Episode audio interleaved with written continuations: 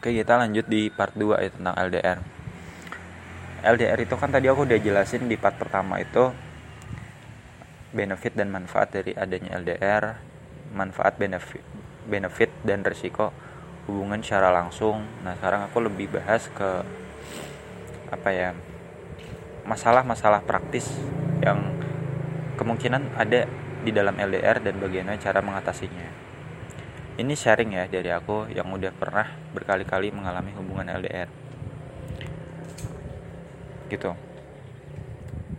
Jadi masalah pertama biasanya kalau LDR itu kan adalah komunikasi pasangan yang kok dia nggak balas chatku segera ya? Padahal aku pengen banget. Ntar dulu kita harus pahami dulu bahwa setiap orang tuh punya kesibukan teman-teman. Pasanganmu kuliah kesibukannya pasti beda-beda dong mereka ngerjain tugas ada lomba ada ini dan sebagainya. Kita juga ada tugas kerjaan dan sebagainya. Gitu loh. Itu bukan menghambat kita untuk connect ya. Justru itu ajang untuk kita toleran terhadap kesibukan masing-masing orang gitu. Menikah pun juga gitu. Setiap anggota keluarga itu kan punya peran masing-masingnya di dalam keluarga ayah jadi apa ibu jadi apa anak tugasnya apa itu pun punya peran. Dan peran itu adalah proses pendewasaan kita sebagai seorang manusia. Gitu jadi aku pikir kita harus lebih dewasa lah kalau dalam jalin LDR kalau chat kita nggak segera dibalas ya nggak apa-apa. Positif thinking aja mungkin dia punya kesibukan lain. Tapi pahit-pahitnya kalau dia selingkuh ya mohon maaf nih. Selingkuh atau dia punya pasangan lain di luar sana itu bukan urusan kita itu urusan dia sama Tuhannya biarin aja gitu artinya kita nggak bisa mengatur-ngatur dia memilih siapa milih kita. Dia kita nggak bisa memaksa dia untuk selalu milih kita ya kan? Dia selalu punya pilihan dia mau sama siapa. Tapi kalau dia selingkuh ke depannya dia akan selingkuh terus ini efek domino. Serius. Kalau kamu bohong maka kamu akan bohong di waktu berikutnya. Sama halnya dengan selingkuh.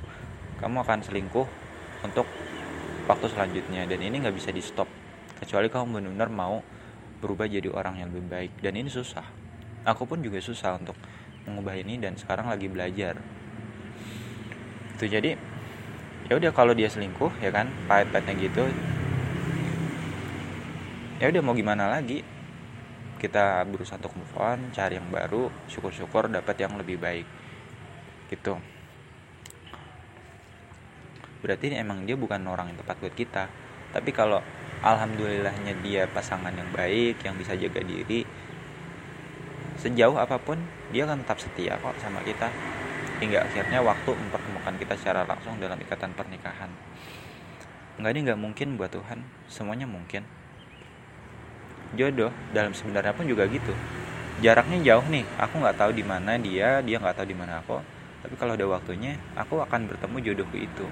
Ya syukur-syukur orang yang lagi kita ajak hubungan LDR ini adalah jodoh kita. Manusia itu kan tugasnya cuma berusaha ya.